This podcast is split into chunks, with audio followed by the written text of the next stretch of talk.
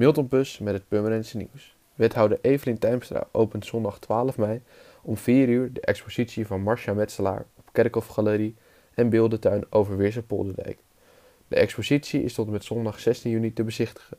Voor meer informatie kijk je op www.kerkhofoverweersepolderdijk.nl Monsef Beekhoff wordt per 1 juli de nieuwe directeur van het Purmerends Museum. Beekhoff is kunsthistoricus en momenteel nog manager marketing en communicatie en lid van het managementteam van het Joods Cultureel Kwartier in Amsterdam. Het Purmerends Museum bestaat 77 jaar en is gevestigd in het oude stadhuis van Purmerend in het centrum. Monsef Beekhoff zal de eerste directeur van het museum worden. Daarnaast wordt hij ook verantwoordelijk voor de nieuw geopende museumwinkel en VVV Purmerend. Een 24-jarige man uit Horen is woensdagochtend door de politie aangehouden voor betrokkenheid bij een woningoverval in Purmerend. Op donderdag 21 februari werd een 60-jarige vrouw in haar woning aan de Slaperdijk in Purmernoord overvallen. De politie doet verder onderzoek naar de woningoverval. Meerdere aanhoudingen worden niet uitgesloten.